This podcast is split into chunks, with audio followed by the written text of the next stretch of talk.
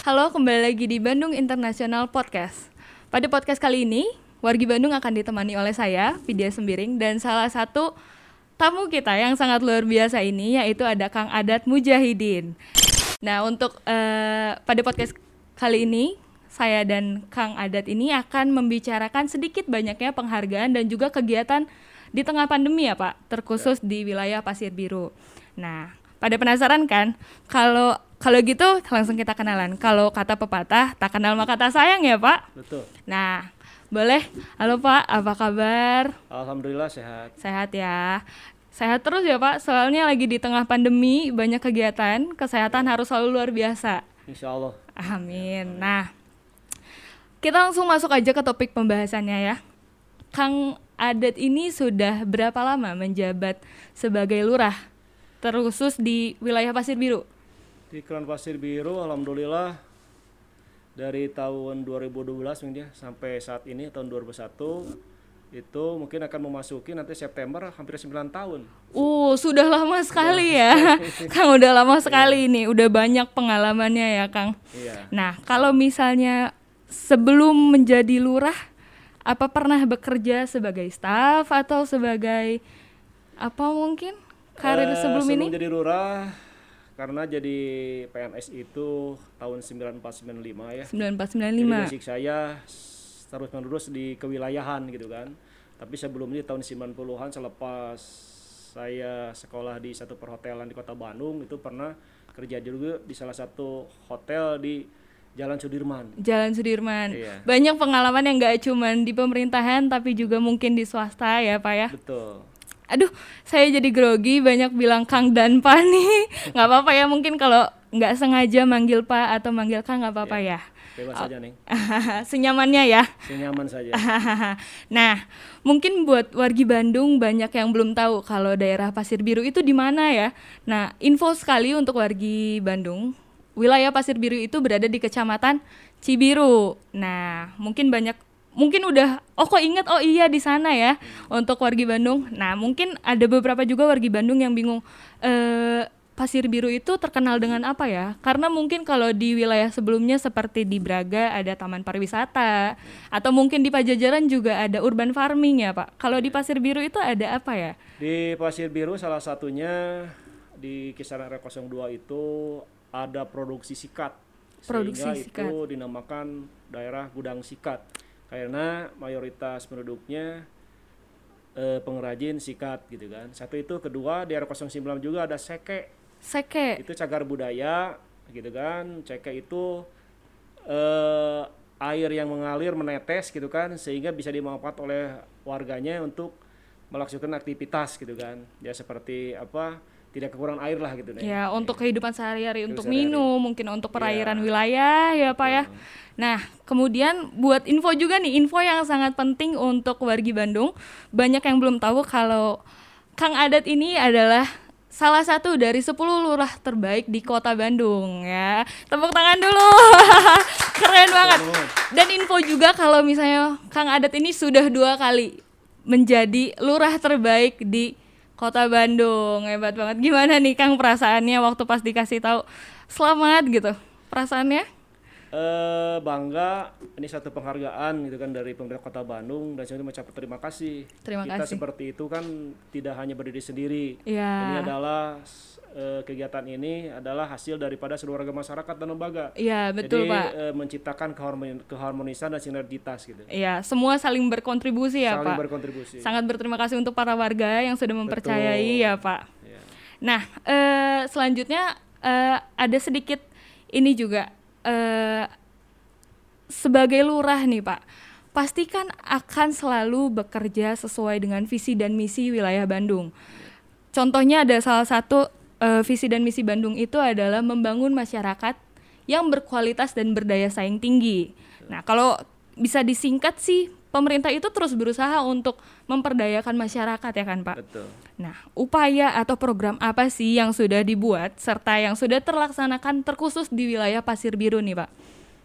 Uh, sampai saat ini alhamdulillah untuk memberdayai masyarakat sesuai dengan program pemerintah Kota Bandung gitu kan kita tidak terlepas daripada visi misi dan e, program Kota Bandung. Salah satunya ada Kang Pisman gitu kan. Kang Pisman. Kami menyampaikan sosialisasi kepada masyarakat sehingga ada rumah Kang Pisman gitu kan. Rumah Kang Pisman itu kan untuk menampung eh, sampah-sampah dari warga masyarakat gitu kan yang tadinya langsung ke TPS tapi kita dipilah dulu Oh, di rumah dipilah Kang lagi. Pisman. Nah, itu Diolah satu. lagi ya, Pak. Diolah lagi ya.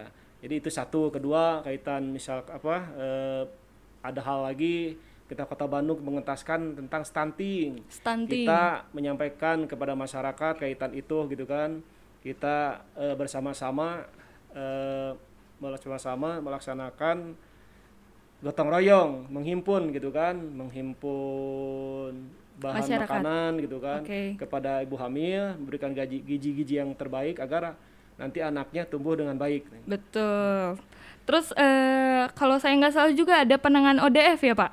Nah, itu ODEP juga ya gitu kan. Karena di Pasir Biru itu eh 12 RW, 65 RT, 4023 ya, 4000 sekian kepala keluarga gitu Kepala kan. keluarga. Sampai saat ini alhamdulillah jadi OD-nya hanya 191 OD.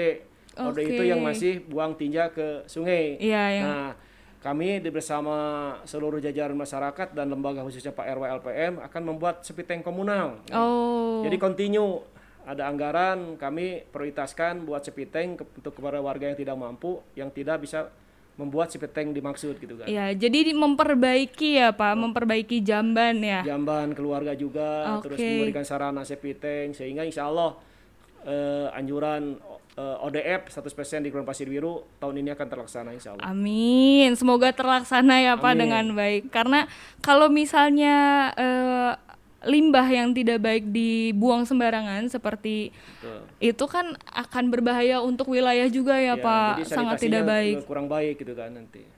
Nah, terus eh, untuk program mungkin eh, ada wilayah gedung sikat ya tadi yang Gudang sikat. Oh, gudang, Gudang- sikat, gudang maaf. sikat. Gudang sikat yang tadi Bapak sebutkan. Ini cukup menarik nih. Sejarahnya kayak gimana ya, Pak? Eh kalau berdirinya saya masih kurang tahu, tapi sampai saat ini sudah berpuluh tahun itu tetap continue. Ada salah satu pengusaha namanya Pak Haji Parit.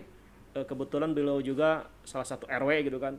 Beliau menghimpun gitu kan pengrajin-pengrajin di tiap gang di wilayah itu membuat sikat. Oh. Sehingga sikat itu disampaikan ke beliau ya diproduksi gitu kan. Oke, jadi masyarakat ikut turut produksi ya, Pak? Betul, jadi memperdayakan. lah. Jadi eh, memberikan pekerjaan juga untuk masyarakat. Benar, benar. Jadi diajak masyarakat itu untuk memproduksi hal-hal yang baik untuk meningkatkan kualitasnya ya, Pak. Kualitas. Menambah ekonomi, Betul. ya kan?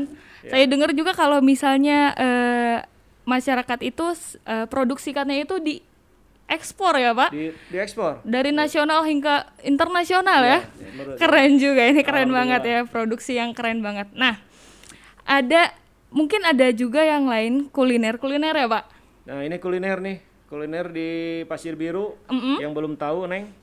Eh, ini ada comring. ya. Ada comring. Ini pengrajin di RW 12, 9 gitu kan dan lainnya. Ini comring ini adalah Dari Singkong itu. dari singkong. Dari Singkong. Jadi Comro- comring itu oncom garing. katanya. oncom garing. Ini pasti enak banget nih. Iya. Pengen dimakan tapi belum boleh ya, Pak. Bisa nanti dimakan. Nanti ya, setelah setelah ini kita makan. Terus ini ada keripik Ini ya, Pak. keripik singkong Keripik gitu. singkong juga. Ya, ya. Dia satu produk ya, Pak. Satu produk. Ya. Ada rasanya nih, enak banget nih pasti. Kalian harus coba. Abis itu ada salah satu lagi, Nah ini tingkem. tingkem. Ini tingkem di Punten, RW 06. Ini tingkem Ya. untuk nyimpan makanan. Untuk Seper- nyimpen makanan. Ya seperti apa eh, batagor ya. Menurut Oh, keterangan ya. batagor ini juga katanya dari Pasir Biru juga nih tingkem nih. Oh, Sangat luar biasa kan. luar biasa banget. Banyak loh. Ini eh, masyarakatnya produktif. Ini karena mungkin sekarang juga udah banyak sampah plastik ya. Nah, Nggak itu, boleh. betul. Jadi ini buat wargi Bandung yang sedang mencari eh, untuk jualan gitu. Ini boleh nih datang ke Pasir Biru ya. Ya. Tapi ini untuk makanannya juga kalian boleh banget datang. Tapi ingat ya, dengan protokol kesehatan ya Pak. Betul. Jangan datang tanpa masker itu tidak boleh teman-teman. Nah, untuk selanjutnya Pak, eh, ada sedikit banyak informasi juga tentang untuk memanage masyarakat itu untuk menghasilkan karya-karya seperti ini saya mendengar bahwa pemerintah dan lurah dan rekan kerja Bapak ini uh, memberikan pelatihan kepada masyarakat. Iya. Dari memanage produksi, Iya. memanage pemasaran, Betul. pengeluaran dan pemasukan. Nah, uh, untuk dari program Bapak sendiri ini seperti apa memberikan edukasi dan pelatihan kepada masyarakat, Pak? Nah, kami menyinggung sedikit gitu kan kaitan dengan di pemerintah Kota Bandung ada dana PIPPK gitu kan. Anggaran PIPPK di dalamnya kan ada Karang Taruna. Jadi Karang Taruna eh, menyelenggarakan kegiatan-kegiatan sosialisasi gitu kan kepada mengarah kepada UMKM, kepada masyarakat yang punya Oh. usaha. Kita sampaikan sosialisasi, kita adakan pelatihan. Ya seperti ini lah buktinya gitu Ini kan. hasilnya Ya, ya. Berarti eh, memang jika bekerja sebagai pemimpin itu harus selalu sama-sama dengan anggota-anggota yang Iya. lain ya Pak. Dari atas hingga bawah harus Iya. selalu bekerja sama biar hasilnya juga maksimal ya Pak. Maksimal. Kayak gini banyak produksinya nih. Nah, selanjutnya kemarin juga saya melihat berita kalau sesuai dengan program dari pemerintahan ada program Kotaku, Pak. Kotaku. Kotaku. Kalau misalnya boleh tahu Bapak minta saya minta tolong untuk dijelaskan program Kotaku ini apa dan bagaimana sistem dan teknisnya terkhusus di wilayah Pasir Biru sendiri, Pak. Ya, kotaku adalah kota tanpa kumuh. Jadi kami dengan jajaran masyarakat itu program itu dituangkan di Mus Musrenbang. Jadi salah satu kegiatan kotaku itu kan pembenahan drainase, Pembenahan drainase iya, ya. perbaikan drainase, terus eh, membuat SAB sarana air bersih dan rumah tidak layak huni. Oke, dan Nah, rumah tidak layak huni. Ya, itu. Itu rumah tidak layak huni ini eh, programnya seperti apa? Karo Rutilau itu terciptanya Rutilau setelah kami eh, lurah dan jajaran mengadakan eh, eh, makan semua warga miskin menampung aspirasi. Oh, Nah, terus jadi terus timbul itu timbul informasi gitu kan, rumahnya masih tidak layak. Saya usulkan kepada eh, lembaga BKM gitu kan eh, yang yang mengelola daripada kegiatan Kotaku ini sehingga bisa terakomodir. Oke, Ya, jadi, jadi bertahap lah gitu. Oke, jadi tahapannya dari eh, Bapak turun ke masyarakat, berbincang apa Iya. sih yang kurang, Yang a- kurang apa, ada gitu. permasalahan seperti apa Betul. ya Pak. Iya. Kemudian baru nanti didiskusikan dengan rekan kerja yang kemudian baru diangkat lagi ke atas. Iya. Nah, selain program Kotaku ini ada program RW Mandiri juga ya Pak? RW Mandiri itu di RW 09. Jadi RW RW 09 eh, mengadakan kenceleng di RT-nya warganya itu menyisihkan uang eh, sisa dari belanja. Mau seribu rupiah mau dua ribu tiap bulan sama Pak, Pak RT itu dibuka kencelengnya. Oh, dikumpulkan eh, kemudian misalkan dibuka. di RW ada 5 RT ya semuanya dihimpun. Hasilnya misalkan ada 200 ribu 300 ribu disimpan nanti diperlukan untuk warga masyarakat yang tidak mampu Oh untuk ya. yang sakit gitu ya, kan. untuk Ya. yang sakit. Mungkin juga ketika pandemi ini banyak masyarakat yang kurang dapat fasilitas internet, mungkin dibuatkan wifi gitu ya Pak. Iya. Oke, terus eh, mengenai COVID nih Pak, pasti kan semua banyaknya pemerintah ataupun sekolah pasti sedikit banyaknya terhambat ya Pak. Betul. Nah, apa saja sih program di tengah pandemik yang terhambat dan apa saja mungkin ada pro- program di tengah pandemi ini yang muncul yang baru gitu Pak? Iya. Apakah ada?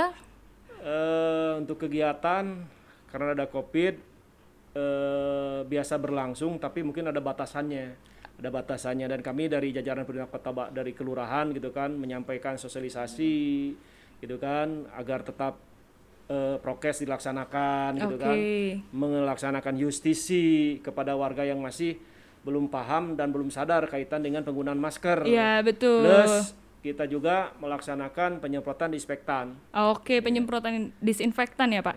Nah, tadi Bapak menyebutkan sosialisasi. Apakah ada kendala nggak nih Pak di tengah pandemi ini? Apakah ada kendala sosialisasi dari pemerintah ke masyarakat? Untuk saya sendiri karena pandemi gitu kan dan dibatasi, kami punya WhatsApp grup eh, di Oh, lembaga kemasyarakatan kelu- eh, lembaga kelurahan. Satu, terus WhatsApp grup juga dengan RW juga gitu kan terpisah sehingga kami komunikasi tidak terputus. iya. Jadi Semua inovatif banget ya. Semua tetap terko- Alhamdulillah. terkoordinasi dengan Iya. baik ya Pak. Nah, nanti dari hasil berbincang di grup WhatsApp, habis itu baru dikoordinasikan lebih lanjut lagi ya Betul. Pak. Nah, kita udah masuk penghujung acara nih Pak. Eh, saya ingin bertanya, apakah ada harapan untuk yang utama adalah untuk kota Bandung dan yang terutama adalah untuk wilayah Pasir Biru. Silakan harapannya, Pak. Harapannya eh, marilah kita tetap mensyukuri apa pun yang terjadi saat ini, tetap semangat gitu kan, tetap bersyukur karena mengutip keterangan dari Al-Qur'an, inamal yusrisro. Sesungguhnya setiap kesulitan pasti ada kemudahan. Betul sekali. Setiap kesulitan itu selalu ada kemudahan di dalamnya. Nah, untuk wargi Bandung, saya ingin mengucapkan banyak terima kasih uh, karena sudah menonton podcast kita, podcast saya dengan Pak Adat ini. Saya juga ingin mengucapkan banyak terima kasih kepada Sama-sama. Pak Adat. Uh, semoga setiap kegiatannya selalu dilancarkan, Amin. terus diberikan kesehatan Amin. untuk Bapak keluarga dan masyarakatnya ya, Amin. ya Pak. Nah, untuk wargi Bandung, mungkin sekian podcast kali ini. Jangan lupa untuk tetap pantengin YouTube kita di Bandung Go ID dan follow Instagram kita ya di bandung.co.id. Sampai jumpa di podcast selanjutnya.